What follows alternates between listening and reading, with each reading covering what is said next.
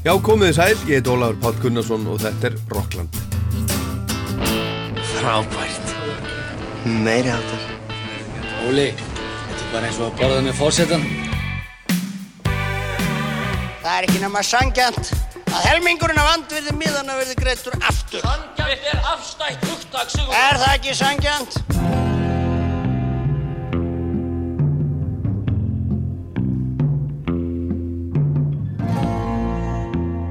Á Eurosonic Festival sem fór fram í Hróningen í Hollandi fyrir halvu mánuði voru afhengt átta ungum listamönnum frá Evrópu það sem heitir Music Moves Europe Talent Awards tónlistavellun fyrir ungt fólk í Evrópu sem að gengi hefur vel á undanfötnu ári að brjótast yfir landamæri og láta svolítið að sér hveða.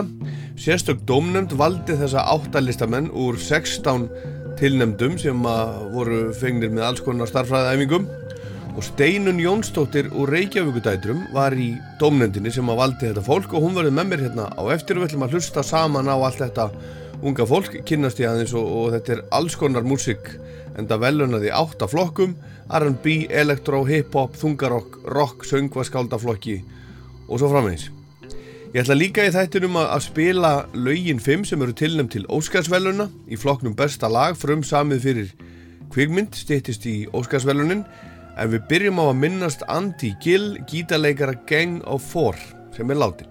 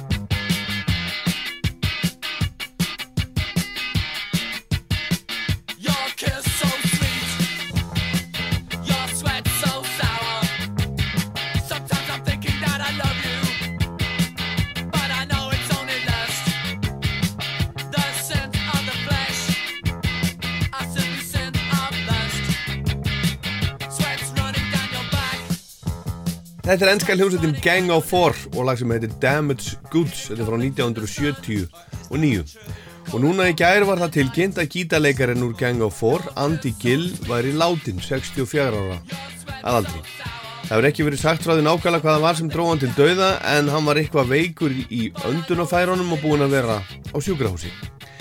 Þessi sátsauki er gjaldi sem við greiðum fyrir ótrúlega gleði í næstum þrjá áratugji með besta manni í heiminum saði Catherine Mayer, eiginkona Andy Gill í fæslu sem hún byrti á Twitter í gær. En Gang of Four var að túra bara núna síðast í, í november í Asíu. Ferill Gang of Four spannaði næstum 50 ár, hljómsveitu var stopnud í Leeds ára 1976 og tíunda og síðasta plata þeirra kom út í fyrra heitir Happy Now.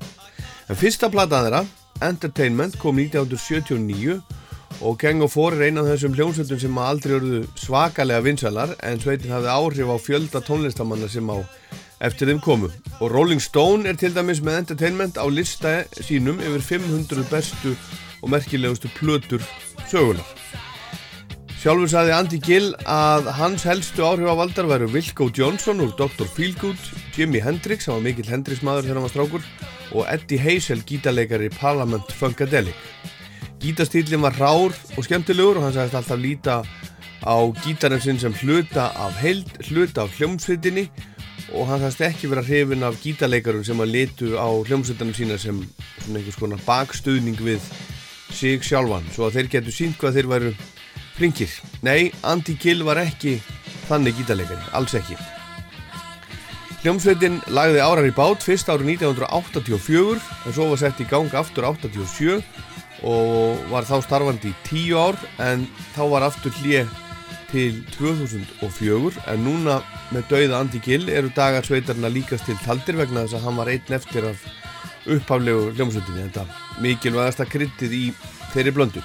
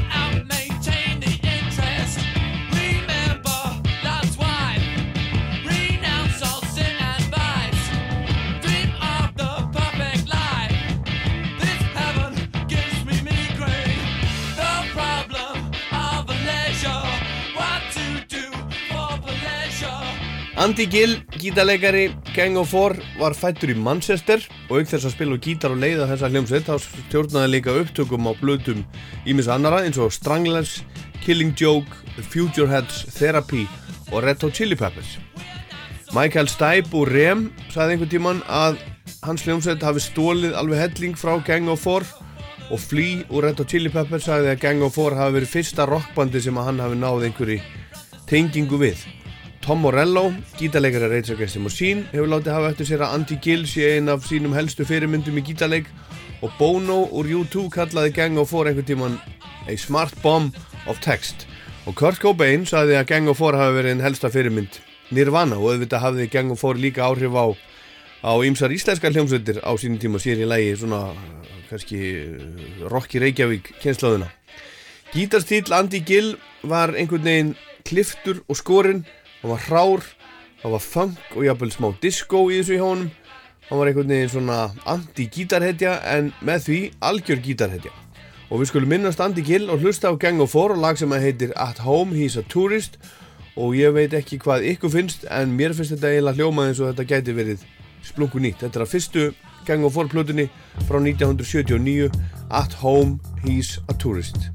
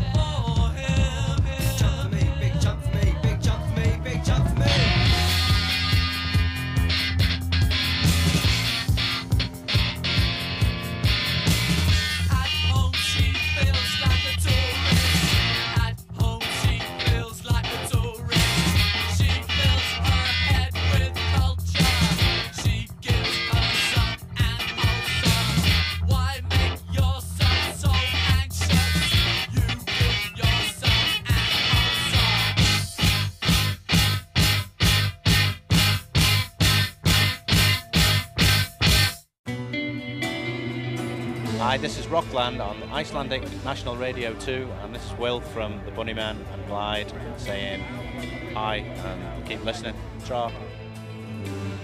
Tónlistarháttíðin Eurosonic Norderslag 2020 fór fram fyrir hálfu mánuði í Hollandi í háskólabænum Groningen í Norður Hollandi. Á fjórum dögum spiluðu 347 hljómsveitar og listamenn frá 33 mismunandi löndum. Þar að voru einn sex atriði frá Íslandi, Cell 7, Solveig Mattildur sem er líka í kælunni miklu, Gabriel Ólafs, JFDR, President Bongo og Varmland spiluðu hér og þar um bæinn. Og samliða tónlistarháttíðinni fór fram tónlistarráðstefna þar sem að framfóru meirinn 150 fyrirlestrar um allt mögulegt milli heimis og jarðar þegar kemur á tónlistarbransanum og á Eurosonic eru afhengt tónlistarháttíðavellunin árlegu en á meðal þeirra háttíða sem að fóru heim með vellun þaðan voru Glastonbury Festival, Open Air, Electric Castle, No Sleep Festival og Roadburn og förstu daginn á háttíðinni fyrir hálfumánuði voru afhengt í annarsinn á hátíðinni tónlistavellunin sem að heita Music Moves Europe Talent Awards. En þau velun eru veitt ungu tónlistafólki frá Evrópu sem að mest og best hefur gengið að stækka og útvíka sitt svæði á undanfötnu ári. Það er talsverð starffræði á bakvið þessi velun, það er tekið saman útvarspilun frá ríkisútastöðunum í Evrópu, það er lagt saman við það hversu mikið fór fyrir viðkomandi á, á tónleikum viðsvegarum, Európu og svo er skoðað spilun á Spotify, eitthvað kemur út úr þessu og svo er líka stór domnemnd sem að tilnefnir fólk. Og endanum eru 16 listamenn og hljómsveitir tilnefndar til þessara veluna Music Moves Europe Talent Awards MME má kalla þetta og í domnemndinni ár sem að velur vinningshafa úr þessum 16 voru til dæmis Hugh Stevens, einn helsti útastmaður breyta hjá BBC Radio 1 og Steinun Jónsdóttir úr Reykjavíkudæturum. En Reykjavíkudætur hluti með þessi velun í fyrra, í fyrsta skipti sem þau voru afvend og það er hlutu líka það sem að heitir Public Choice Awards eða hljómsveit fólksins, vinsalsta hljómsveitin sem er kosin í netkostningu út um alla Evrópu. Þetta er soldið flókið sístem kannski en það er verið að reyna að finna og veluna það unga evróska tónlistafólk sem hefur vakið hvað mesta aðtikli á undanfötu ári út yfir landamæri og vekja síðan enn meiri aðtikli á þeim til þess að auka hróður nýrar evrópskara tónlistar.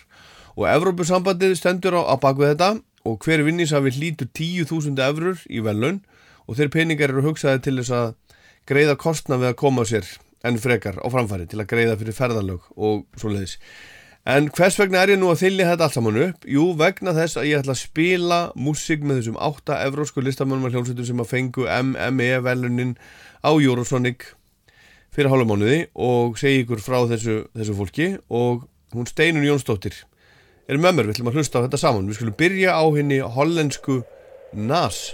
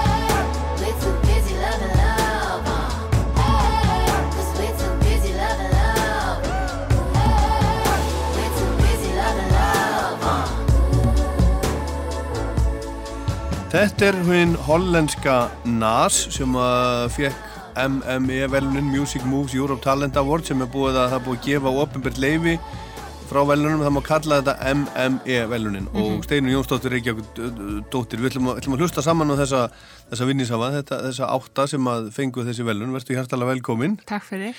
Hérna uh, þið, þið Reykjavík dætur, þið hlutu þessi velun í fyrra Já, þessi, þessi af, þess að bæði þessi MMA velun og þið voru líka valin hljómsveit fólksins fenguð sagt, Public, Public Choice, Choice. Awards Einmitt. og þess vegna er þú í domnendin í ár, ekki satt? Jú, það var, í fyrra var þetta þannig, í fyrra var fyrsta árið sem þessi verðlum voru veitt, áður var þetta hana EBBA Awards Mhm.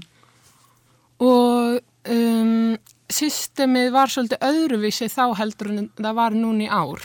Þau ykkur neginn eru ennþá að þróið þetta, þannig fyrra voru fimm tilnæmdir í hverjum flokk, tveir og flokkanir eru eftir sjanrast, þannig að fimm hiphop-ökt sem voru tilnæmd, tvö sem er unnu og eitt sem vann síðan Public Choice Awards í hverjum flokk. Það var í fyrra? Já, í fyrra. Já, já. Í ár var þetta þannig að það voru tveir tilnæmdir í hverjum flokk sem við þurftum að velja síðan á milli vinningsafa. Já, þetta eru, þetta eru svona flokkar, það, það er nefnilega ekki talað um það svona ofinbellega, Nei, en í, hvaða, hvað, hvaða flokkar er þetta? uh, í ár var þetta pop, uh, hip-hop, elektrónik, eða svona dansmusík, Uh -huh.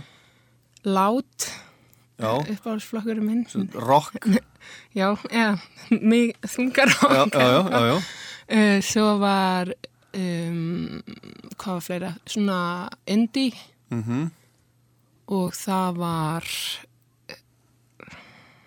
ég Pop. googlið þetta, pop, já, Já. og svona singer-songwriter Já. líka sér og eitthvað eitt viðbót, þetta voru áttaflokkar. Já, þannig að þetta eru, þetta eru, þetta eru flokkar. Alternative. Já, já, al alternative. Já, og sko þegar við hittumst, við hittumst í Þýskalandi til að fara yfir þess að hvort ætti að vinna af þessum tveimur tilnæmdu. Já, á, á Rýbjörbann festival. Já, þá var sko sagt að það myndi ekki vera ofinbært að þetta væru Flokkar. í flokkum. Af hverju ekki?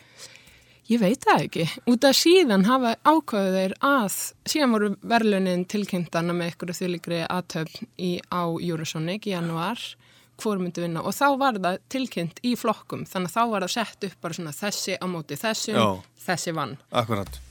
Og, og þessi hérna Nas sem að við vorum að hlusta á, hún vann í popflokknum.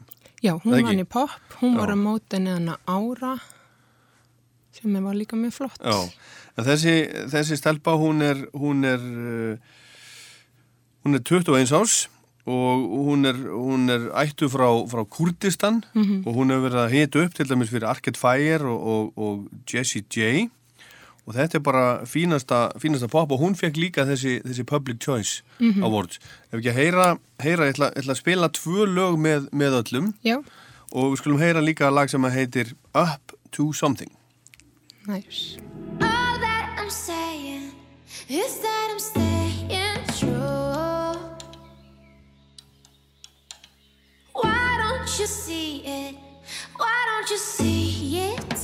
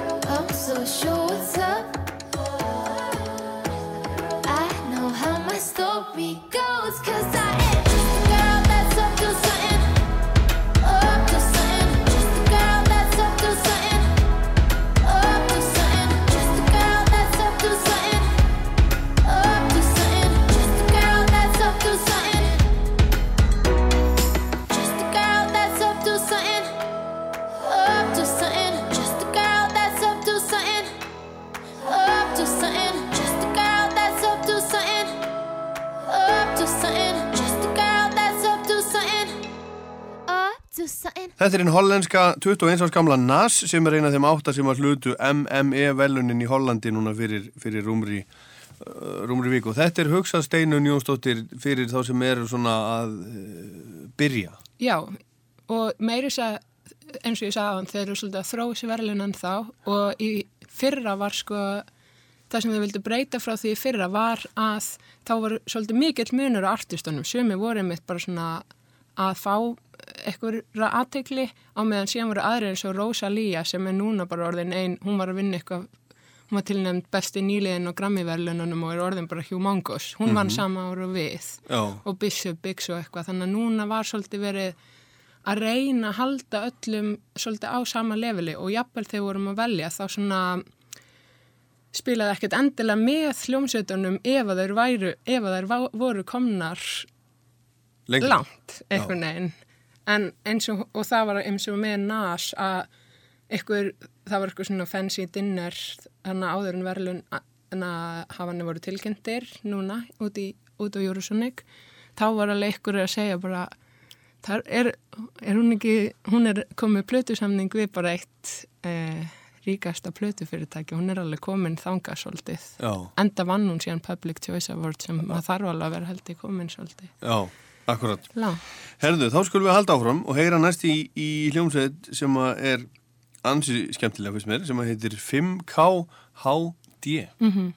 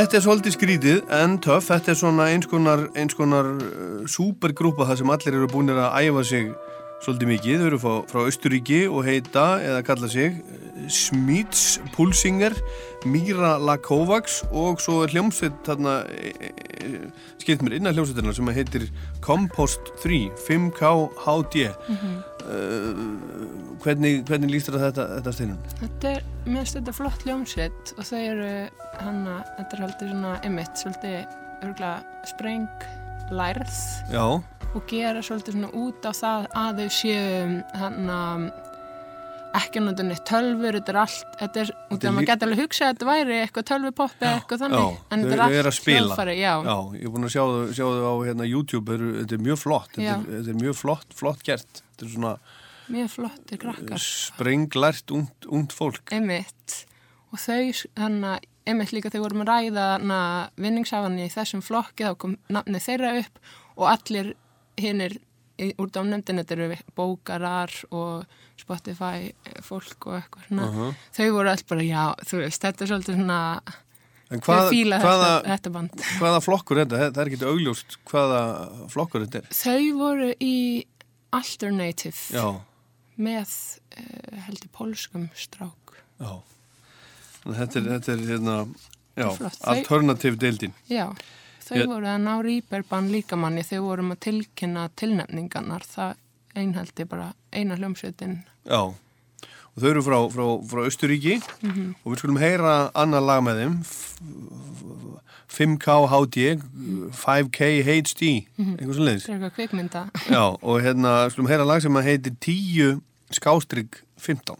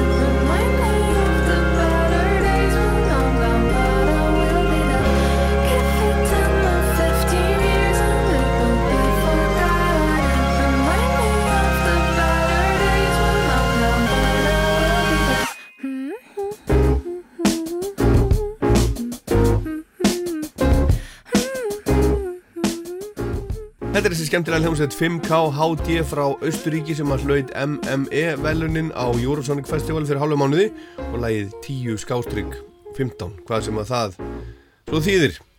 Næst er það Anna Leone frá Svíþjóð.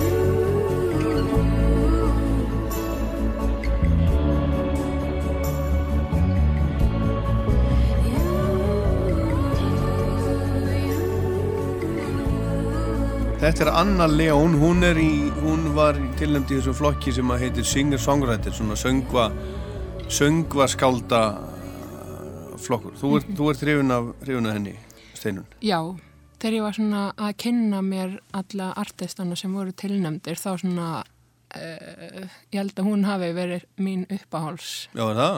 Hún svona, ég horfði á fullt af vídjóm líka bara af akústist og eitthvað þannig, ekki bara Já. tónlista myndböndin en mér stóð eitthvað mjög heitlandi.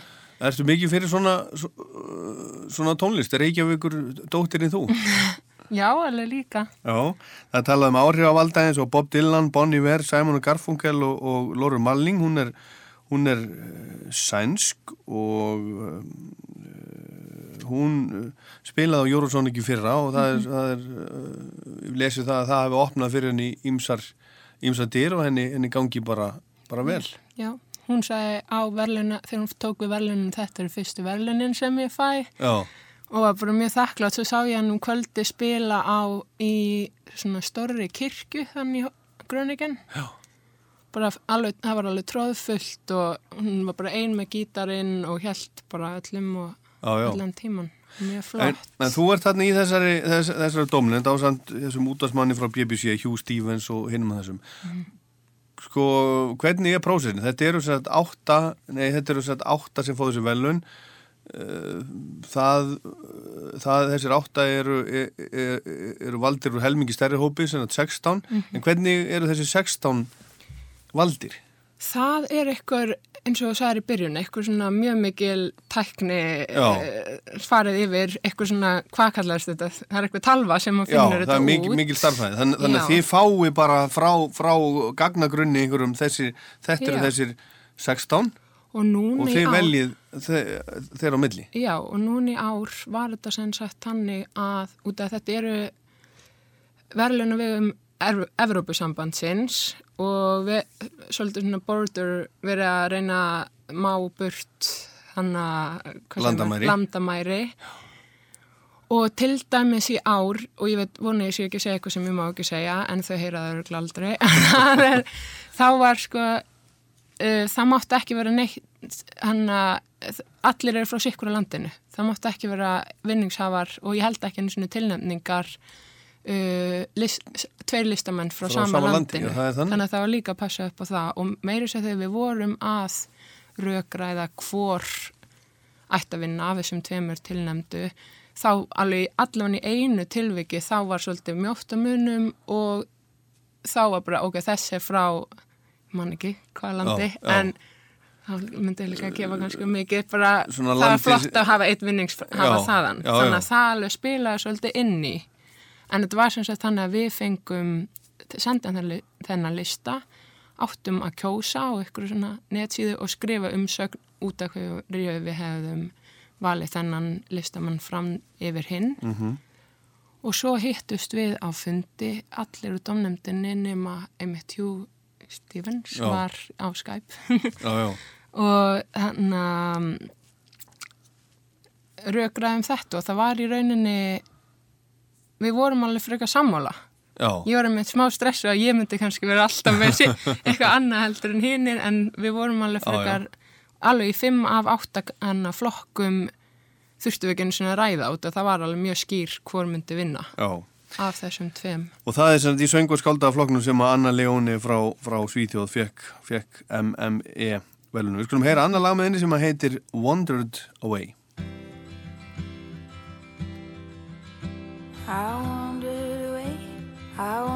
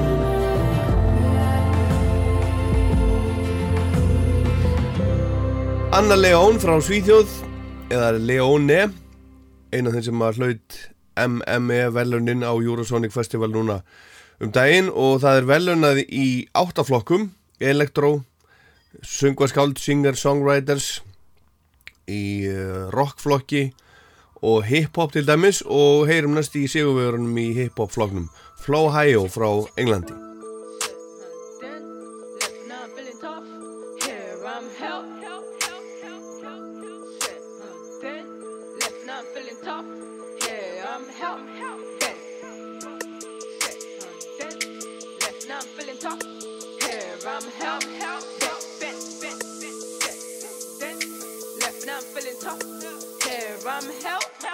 Yeah, yeah, yeah, nigga never scared. Lost my dad, they ain't never here. He's still alive, never hear me. I've been dead, guess I never cared. Flow go back, I ain't never bail. Boss gonna connoisseur, craps with a checks. You thought that, don't give me cash for some shit. Kids used to laugh at me like you would never pass. Look at me now, more with a scarf. My people pass, they bloody ready, anti-friendly. I cannot hang, big bossy. You cannot squares, bulldozing. You can never rest, hell razor. Always on the quest, head hang low, brace come down, swang like dreads. Eyes on red, mommy hate that. Never had days just to lay down. Now it's five stars for like four hours. Give me three minutes, and I'm fresh out. To all my bros, we're at the lobby, one black whip, I roll out. Blows like whip, let me roll that. Foot touchdown, smelling like that. Now I see clear, they'll love me. Even with the odds all on me. And I go above cross country, let me slow it down abruptly. Flow day one, you ain't got it. I serve it up, put the walk in. Back in year seven from my conscience. Check, down what I want.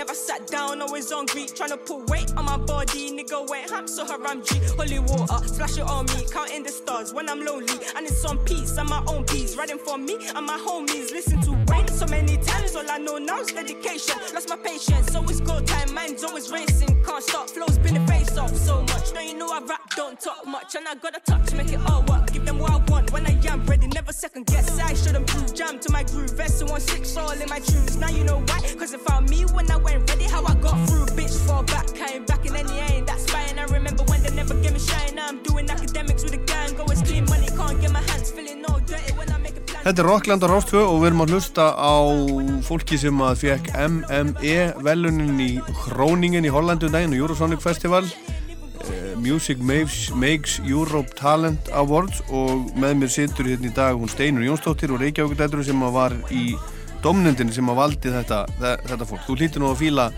hlýta, hlýtur nú að fíla þessa Já, Flow Hio. Flow hún er geggjuð. Ég sá Já. hana líka live. Hún er frá Englandi, já, Já, hún er frá Englandi og hún er endar, in, hún er innflutt. Aha. Innflutt. já, ný, já frá Nígeríu Já, og hún sem sagt um, hún er ekki eitthvað svona að gera eitthvað típist brest rap. Hún er svolítið svona að, eins og ég sagt, ef ég sletti gender breaking, eða hvað Já. sem var, genre breaking, Já. ekki gender breaking.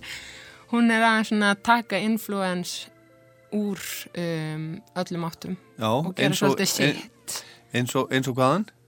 Ég held frá sínu eh, heimalandi Já, og bara ég get svo ekki sagt það ég, þetta var bara svona það sem við töluðum um er, þetta er alveg græmi og allt þannig en þetta er samt líka eins og taktanir eru ekki þetta típist sem er að gerast nei, þannig að það er svona smá Afríka í þessu hjá henni. og hún er mjög flott, mér finnst bæði flott uh, það sem ég heyrði á netinu en síðan líka sjá hana uh, á tónleikum hún var e, bara geggjuð. Mjög svona, hún er náttúrulega mjög ung hún er, hvað ætla hún sé, 18 ára? Veit það ekki? ætla ekki ska, hún er 17-18 eða eitthvað, kannski eldri en hún er svona mjög mikill töffari og flott á því Hvar spila hún? hún spilaði í hana leikhúsinu Stadsjáburg. að Grand Theatre Já, Grand Theater. Já, það var svona eitt af stóru sviðunum Já, og það var akkurat. einmitt alveg fullt Það sem Varmland spilaði líka til dæmis. Já. Og Dikta hefur spilað og spilaði Hjálmar. einmitt, já ok, hún spilaði sama kvöld og varmland einmitt, Já, já. bara setnum kvöldið Heyrum annar lag með henni. Still, still, still eat wings over here, no vegan. You're not fly, your name's not Peter. Keep your minks, I rock my feeler. Niggas sounded like new freezer. Strong minded, lift weights on my brain, bro. You and I never get in the same love. I do what I want for my sanity. You do what they want like a slave son. No, not nice. Flo never got knocked out. Cause I show love more time. What housewife? Draw what girl, please. You can't even cross this line. All this vibe, I just wanna take more flights. Always been the hopeful type. Spoke to myself and the sound is bright. Building my future, it looks so nice. Hate when you wanna come and tell two lies. And you keep swearing on your life. Dare you to swear down one more time. Hmm, yeah, nigga, you might die. Air that when you call in my number. My G's come brown like I'm holding a slumber. Go hard for myself and the others. Give more to my side than the other side. Spoke your shit when I rocked my style. All in vogue and I still rap south. In my store, but I still look south. Took a gap year out to figure this out. So much hype on your Instagram, but it's not the same on your bank account. You're not bad, you're a fucking scam. Only met them once, now you call them gang. Way too live. Come join this side, I'm on nine lives. Way too live. Can't come back, way too live. Press that gas, way too hard, I'm way too live. No ID, can I come this side, cause it's way too high. Way too live. Come join this side, I'm on nine lives. Way too amped, I'm on cloud nine, I can't come back. Way too loud. I, I, I press that gas way too hard, I'm way too live. No ID, can I come this side? Made, made a brand, Piper Flow came in with a charm. No every day get flow on bars, but I want that, so I gotta show my stance. Up and bounce if it's not my setup. Turn music to my bread and butter. Now I get calls from here in Holland. You don't have shit to offer, don't bother. Only break bread with sis and brothers. Same old vibes when I buck through. Braids come down to my shoulder. Patterned up nice, can't rely on the older. I'm surfing on waves, can't surf on the sofa. My stripes, young tiger hair. Marcus Rashford with that leg. Buck through, still gotta watch my step. Anytime's on bet you, I smash my set. You're a big man, I don't see big threat. Don't watch face, now I save me stress. You want checks, wouldn't take these steps. When I hit west, now I come back south fresh. Bell speech and I gotta go southwest. Show me the view, I to hold my chest. So it's way too live and it's way too mad. Yeah, I can't come down if I'm way too high. Way too live. Come join this side, I'm on nine lives. Way too live. Can't come back, way too live. Press that gas, way too hard, I'm way too live. No ID, can I come this side, cause it's way too high. Way too live.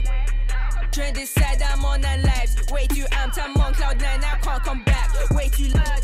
I, I, I press that gas way too hard, I'm way too live. No ID, can I come this side, cause it's way too, way too high.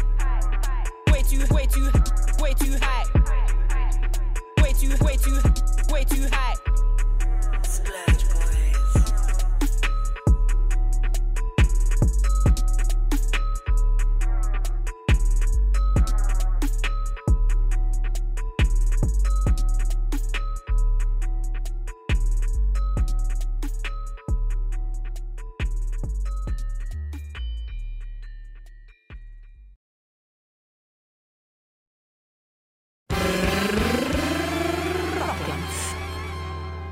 Rástvö Þetta er Rockland á Rás 2 og við erum að hlusta á og kynnast tónlistarfólkinu unga sem að hlaut Music Moves Europe Talent Awards á Eurosonic Festival fyrir halva mánuði og við vorum að hlusta á þann á Flow Hio frá Englandi, Hip Hop frá Englandi og þaðan fyrir við yfir í Ultra Dance Pop frá Ítalíu.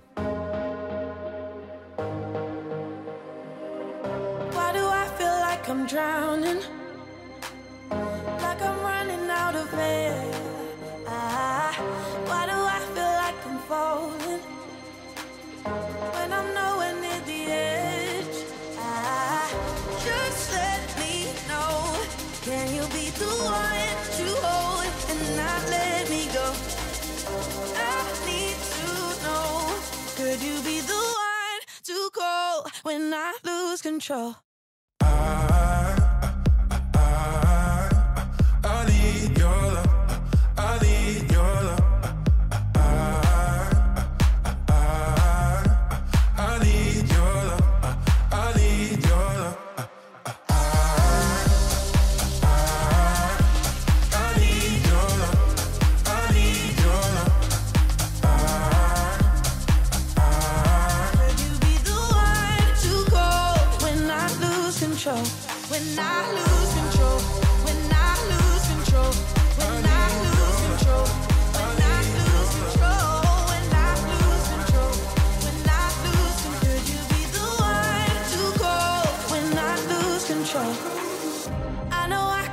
Destructive. And I can change the atmosphere. Ah, all I ask from you is patience. Some patience. Some patience. Just let me know. Can you be the one to hold and not let me go? I need to know. Could you be the one to go when I lose control? When I lose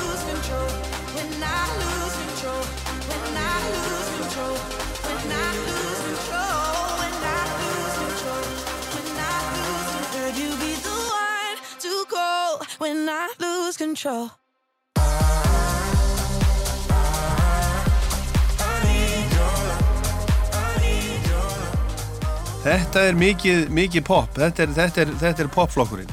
Nei, Me- Medusa, þeir eru í Electronic. Þeir eru í elektrónik. Mhm. En Þetta er samt rosa mikið, mikið pop. Mhm. Þetta er bara, bara pop, pop, pop.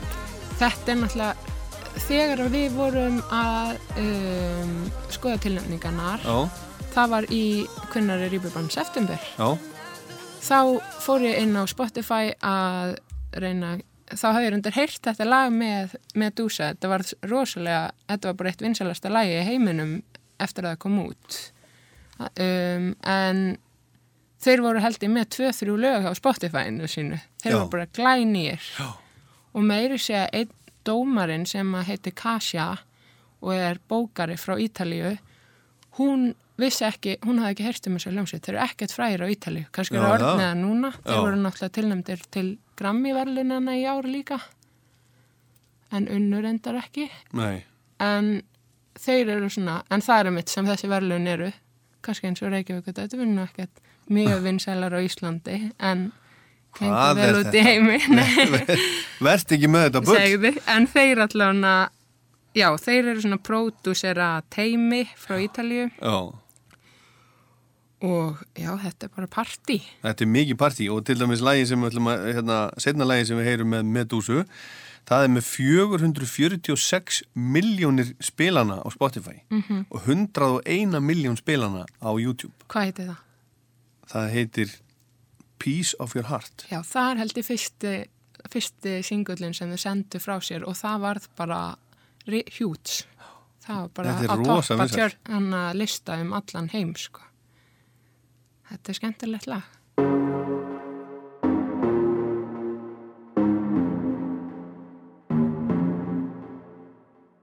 Show me a piece of your heart, a piece of your love. I'm calling you up to getting down, down, down. The way that we touch is never enough. I'm turning you up to getting down, down. Show me a piece of your heart, a piece of your love. I'm calling you up to getting down, down, down. The way that we touch is never enough. I'm turning you up to getting down, down, down. What? Sorry, just quickly. What if it's Da da da, uh, uh, da da da, uh, uh, down, down, down. Uh, Da da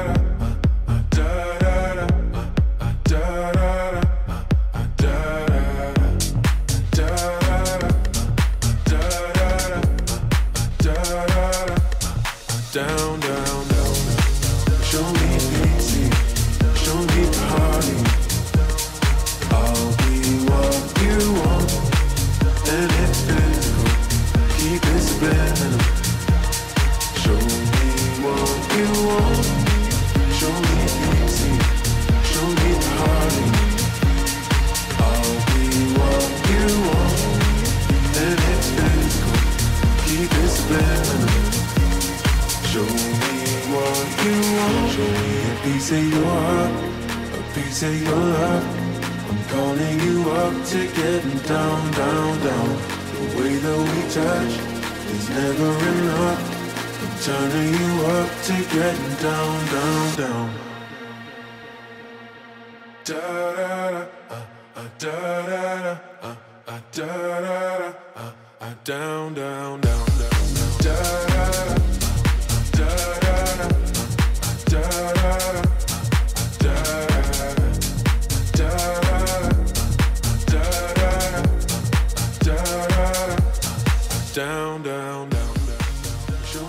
Medusa frá Ítalíu og lag sem að heitir Piece of Your Heart. Og áfram höldum við með MME velunin Music Moves Europe Talent Award sem voru afhend á Eurosonic Festival í Hollandi föstudaginn fyrir hálfu mánuði. Við möttum að heyra í þremur af þeim átta sem að hlutu velun og förum næst til Portugal og heyrum í söngunu sem að kalla sig Pongo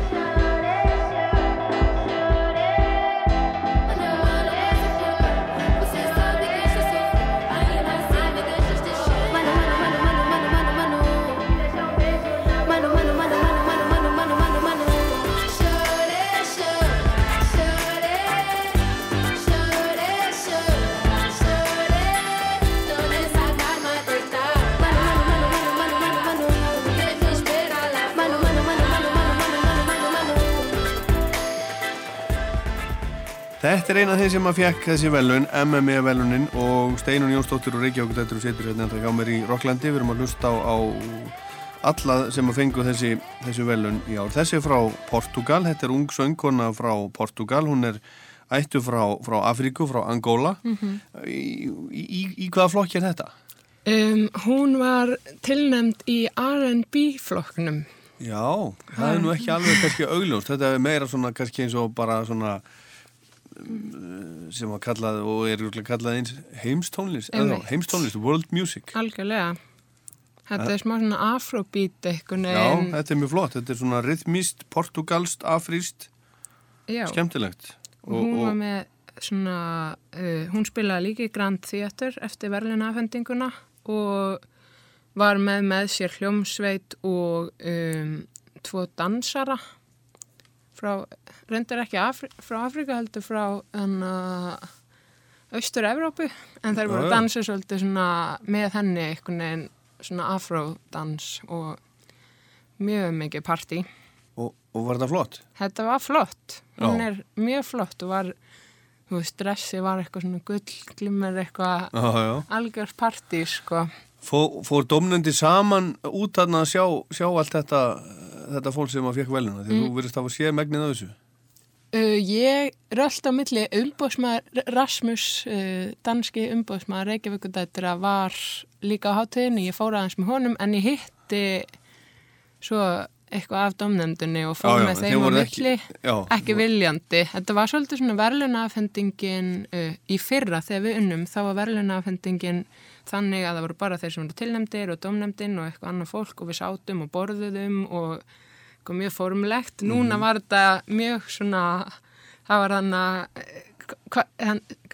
klæðskiptingurinn sem að Já, hérna, hérna Vúrst, Konnichiwa, eitthvað, uh, hérna Vúrst, hérna sem að sigraði í Eurovision. Eurovision, Conchita Vúrst, hann, hann kallaði sig bara Vúrst held ég í dag. Einmitt. Já. Hann var kynnir Já, og það var eitthvað skjáir sem komið niður í loftinu og það var bara svona opið fyrir almenning partí. og mikið partí og tróðið þarna og við týndum svolítið. Já.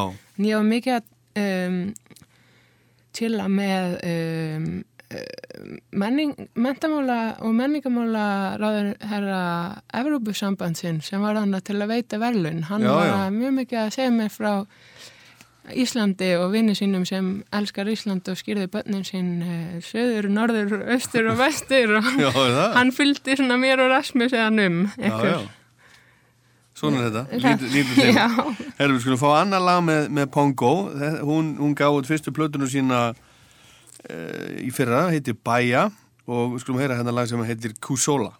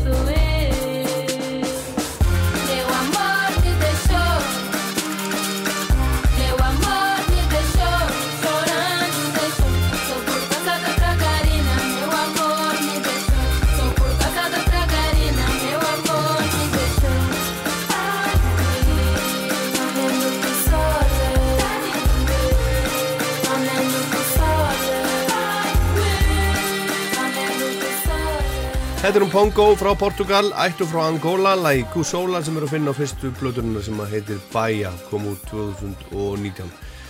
Næst skiptum við um gýr, eins og við erum reynda búin að gera oft í þessu þætti og heyrum næst ungverskan grjótharðan metal.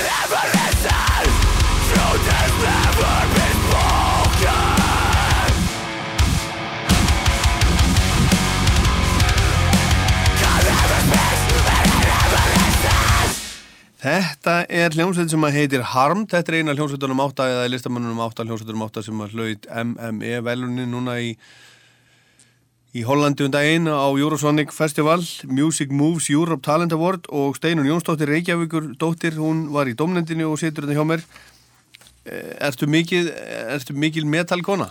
Nei, Nei, ég naut þess ekkert uh, mjög vel að kynna mér tilnæmd, það sem voru tilnæmdir í þessum flokki. er það ekki? Og ég var ekki ein um það, ég var smá stressuð, út af að ég átti að skrifa í þess að ég hef ekki mikla skoðun á þessum flokki. Já, Um, og svo kom ég á hann fund og þá voru alveg fleiri þar, sko.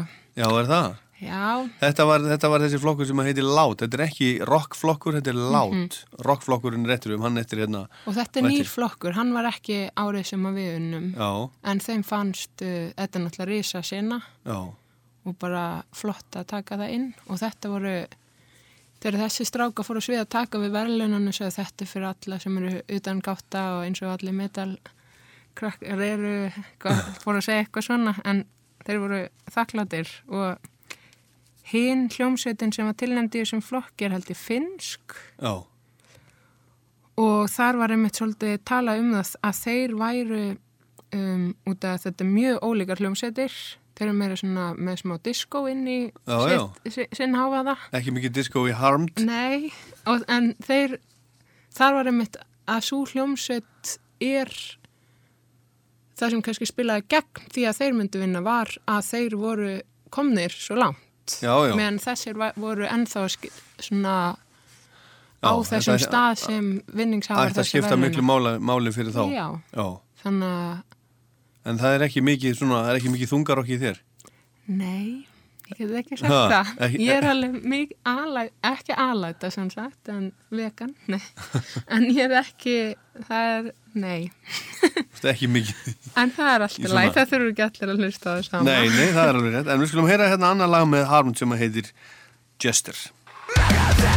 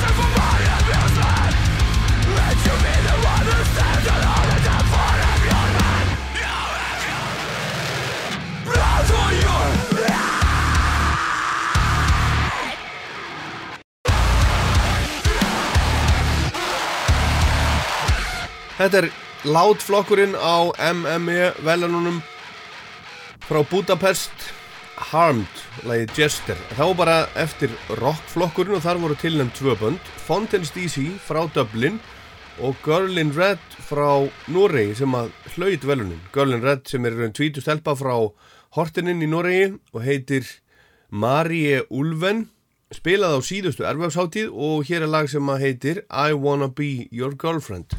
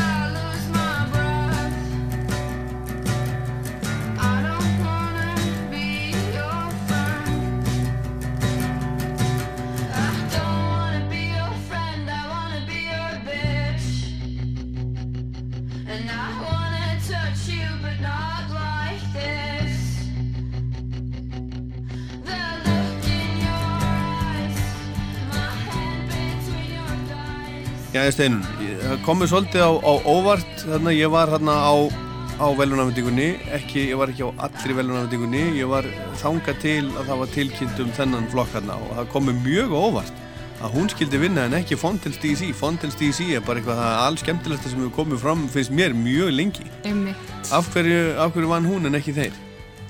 Um, með fullir verðingu fyrir henni, hún er skemmtileg líka. Einmitt. Uh, þetta var held ég einn af þannig tveim, þreim flokkum sem voru alveg frekar skipta skoðanir og þetta eru svona ólíkir og þau eru báðar þessar hljómsveitir eru, eða hún er náttúrulega sólartisti, um, Fountains DC eru uh, gáðan að plötu í fyrra sem hann fekk bara mjög, svona, mjög mikið lofgagrin enda og voru um, já, einhvern veginn eh, svona hátt á háum stalli. Aha, hátt skrifaðir.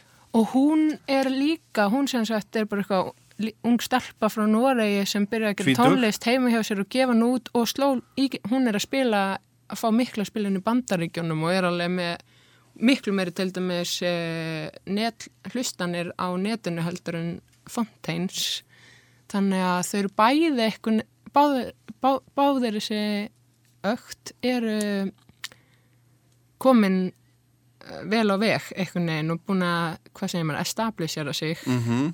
Festa sig í sessi Já, og þetta var mm, kannski bara þau hefði alveg bæði gett unnið oh. og ég með minni bara Hvarlein? ég held ég kaus hana samt og það mjögst einhvern veginn ég fýlaði þá samt líka en mjögst hún kannski með einhverju rött sem að og nú er ég ekki að minna söngröð heldur bara að það sem hún er að segja vera eitthvað færst nýtt og eitthvað sem kannski maður er búin að heyra fullt af rocklum eh, út frá sjónarhortni ungs eh, bresks Karlmanns en maður hefur ekkert heyrt það mörg eh, rocklau út frá sjónarhortni ungrar, norskrar, lesbískrar stúlku þannig að það var kannski það sem let mig freka kjósa hana, ekkert endilega tónli, þetta er bæðilega skemmtileg tónlistar gaman að lausta þau en já, ég held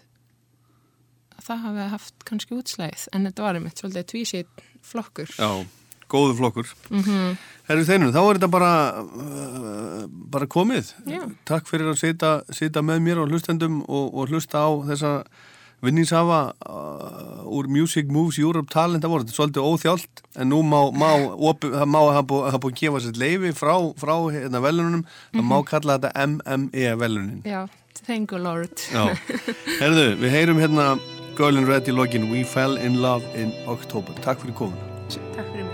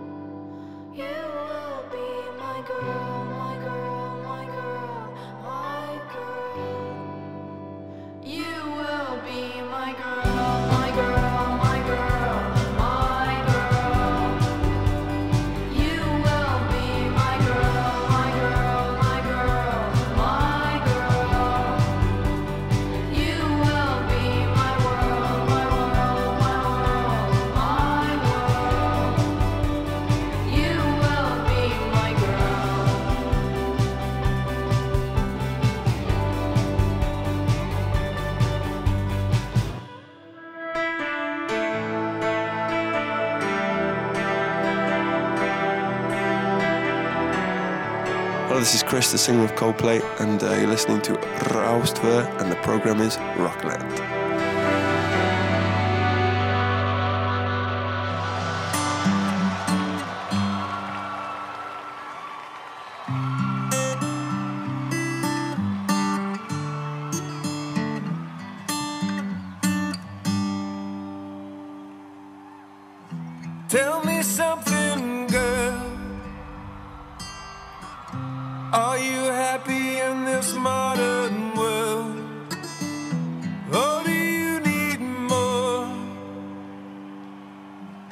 Is there something else you're searching for? I'm falling.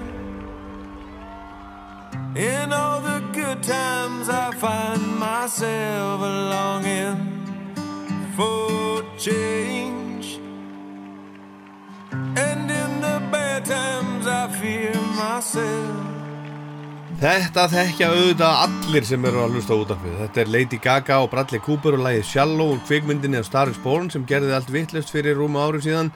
Og þetta lag er eitt af lögum ársins 2018-2019 eitt af lögunum sem oftast heyrðust út um allt á tímabili í útarpi og á þorrablótum og í söngkjafnum mýmiskunnar það voru allir trúbátorar heims að spila þetta um tíma og svo framvegis og eru kannski enn, ég veit ekki en þetta lag hlaut Óskarsvelunin í fyrra sem besta frumsamda lagið fyrir kvikmynd. Lagið og textin eftir Lady Gaga Mark Ronson, Anthony Rosamando og Andrew Wyatt.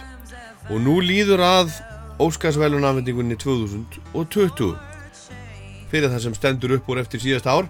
Og þar er Hildur okkar Guðnadóttir tilnæmt fyrir tónlistina í Joker eins og allir eflust vita hún er búin að vera að sópa á sig velunum hér og þar undanfarið þar á meðal Golden Globe fyrir Joker og, og Emmy velunin fyrir tónlistina sem hún gerði fyrir sjónvastættina Chernobyl það verður gaman að sjá hvort hún fær Óskarinn ég veðja á hana og, og trúi því. Og vona en núna ætla ég að spila lögin 5 sem eru tilnæmt til Óskarsveluna í ár í flokknum lag ásins frumsami fyrir kvikmynd. En í þeim eiga lög Diane Warren, Elton John og Randy Newman til dæmis og Randy Newman eh, hefur hlotið ótal tilnefningar gegnum tíðina til dæmis fyrir lög í öllum Toy Story myndunum. Ég er sko vinur þinn er líklega það besta og þekktasta hann fekk ekki óskarinn fyrir það. Nú er hann tilnefndu fyrir lag úr fjórðu Toy Story myndinni það heitir I Can't Let You Throw Yourself Away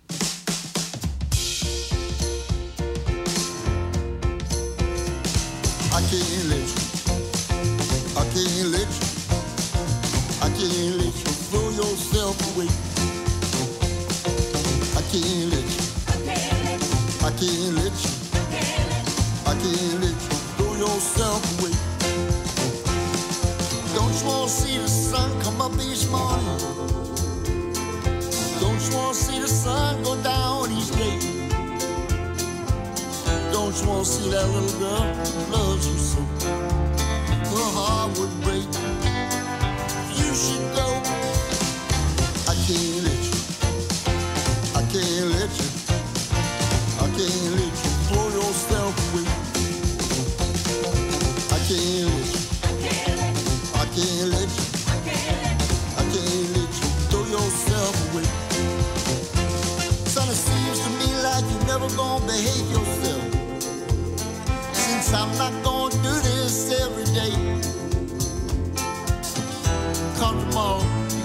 Save yourself. Got nothing more to say. You're not listening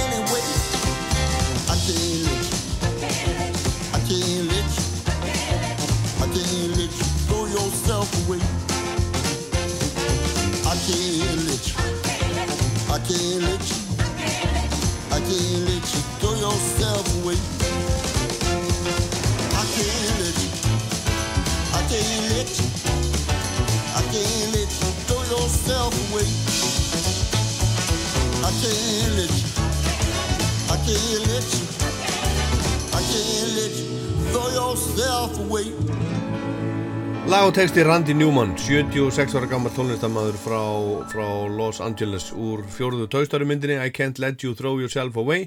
Hann er alltaf að og það er alltaf verið að tilnefnan og veluna út um allt. Hann er líka tilnefndur á móti Hildi Guðna í skorfloknum, kvikmyndatónlistarfloknum til Óskarsvelununa. Það er hann tilnefndur fyrir tónlistina í mynd sem heitir Marriage Story. Og áfram með lögin sem eru tilnefnd til Óskarsvelununa í ár lag ásins frumsami fyrir kvikmynd. Næst er nýtt lag sem að þeir, þeir uh, Bernie Taupin og Elton John sömdu fyrir Rocketman dans- og söngumyndina sem að fjallar um lífslaup Eltons John og slói gegnum allan heimi fyrra. Lagið heitir I'm Gonna Love Me Again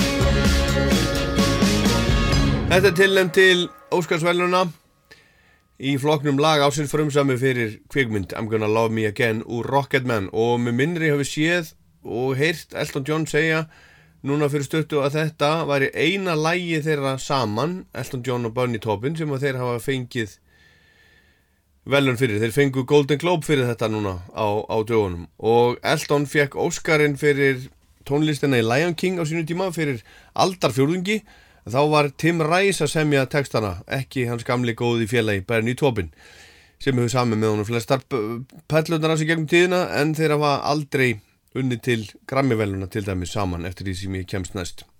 Gaman að sjá hvort þeir fá Óskarinn fyrir þetta. En næsta lag sem við heyrum úr Óskarsteildinni er eftir lagahöfundin Diane Warren sem að samtið til dæmis Aerosmith-lagið I Don't Want To Miss A Thing á sínu tíma Lægi sem hún á og er tilnæmt til Óskarsvelunni ár heitir I'm Standing With You og það var notað í kveikmynd eða gert fyrir kveikmynd sem heitir Breakthrough fjallar um ungan strák sem að druknar í ísilögðu vatni er á kafi í rúmar 15 mínútur en er svo fiskaður upp og lífgaður við og myndin fjallar um það hvernig hann nær bata skilsmér og um, um mömmans og, og svona þeirra samband og eitthvað. Og það er leikonar sem að heitir Chrissy Metz sem að leikur mömmuna sem að syngur lægið I want you to know that you'll never have to hurt alone. When your faith is, faith is running low, I'll never lose faith in you. When the night surrounds you and you think that no one cares about you, I will go and throw my arms around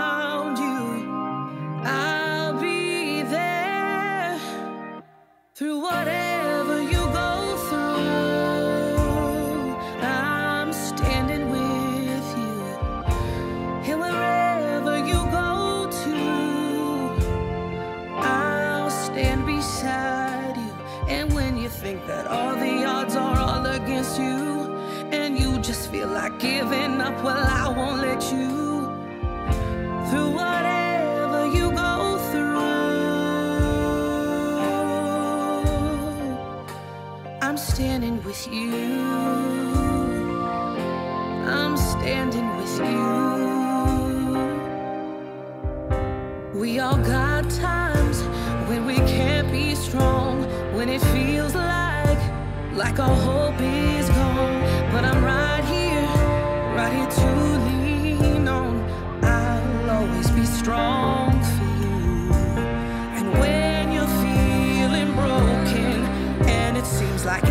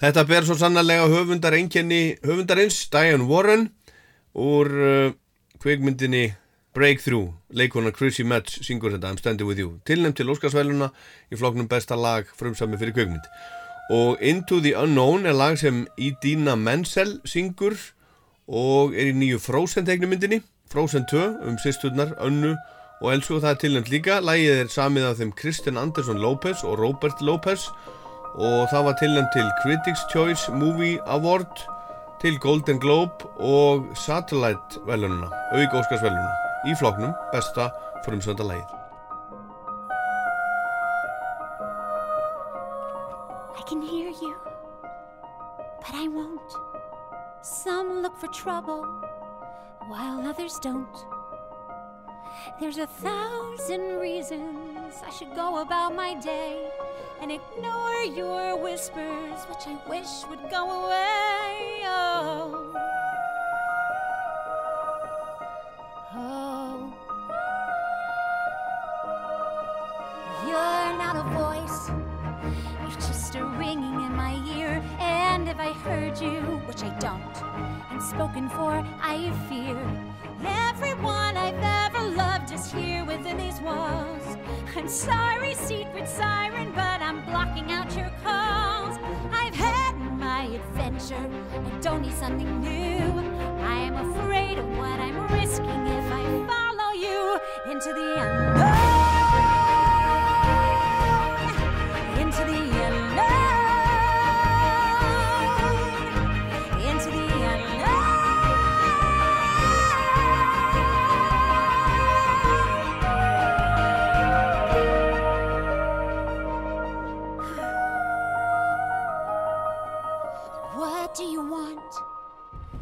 You've been keeping me awake.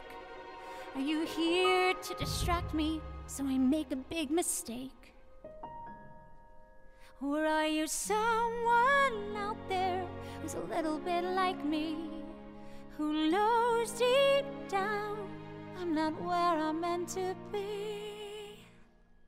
Every day's a little harder as I feel my power grow. Don't you know there's part of me that loves to go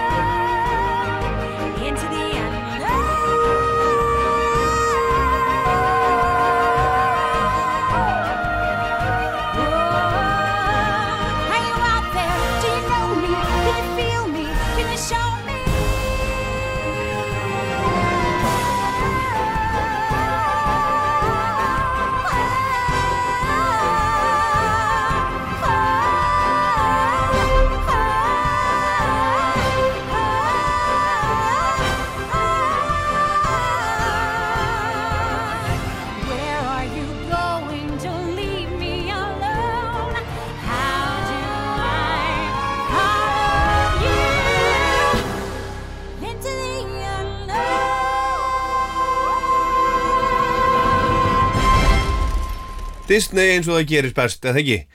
Úr Frozen 2 og auðvitað verða allir krakkar að sjá þessa mynd allir krakkar hvað sem þeir eru gamlir. Og þá hefur við eftir eitt óskarslag til viðbótar og það er lokalag þáttarins flutt af tónlistakonu og leikonu sem heitir Cynthia Erivo. Hún leikur aðal hlutur myndarinnar sem lagið er í. Hún er líka annara af höfundalagsins. Hinn er Joshua Brian Campbell Lægið heitir Stand Up og var sami fyrir kveikmynd sem heitir Harriet og fjallar um baráttu konuna Harriet Tubman sem fættist þræll í Maryland árið 1822, slapp úr haldi og var síðan sterk rödd í baráttunni fyrir afnámi þrælahalds í bandarækjanum og hún fór líka nokkra leiðangara til þess að, að frelsa þrælað, frelsaði fullt af þrælum, þetta er sérstaklega byggt á, á hennar sögu, þessi kona var auðvitað til. Og Cynthia Erivo fekk ímsar tilnefningar til veluna fyrir leiksinn í myndinni til dæmis Óskars tilnefningu og lagi sem hún syngur er tilnefnt í lagafloknum á Óskarnum Stand Up heitir það. Þetta er síðasta lægið í Rockland í dag. Ég minni á Rockland podcast, það sem er náið ykkur slíkt og svo bara í rúf spilaranum. Og ég minni líka á Rockland mælir með lagalistan á Spotify sem er tilvalið að fylgja þið veljið hjartað og fylgið listanum þannig. Ég heit Ólafur Páll, takk fyrir að hlusta. With my face turned to the sun. Weight on my shoulders, a bullet in my gun. Oh, I got eyes in the back of my head just in case I have to run.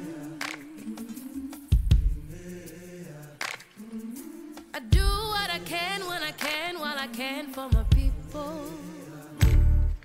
While the clouds roll back and the stars fill the night, that's when I'm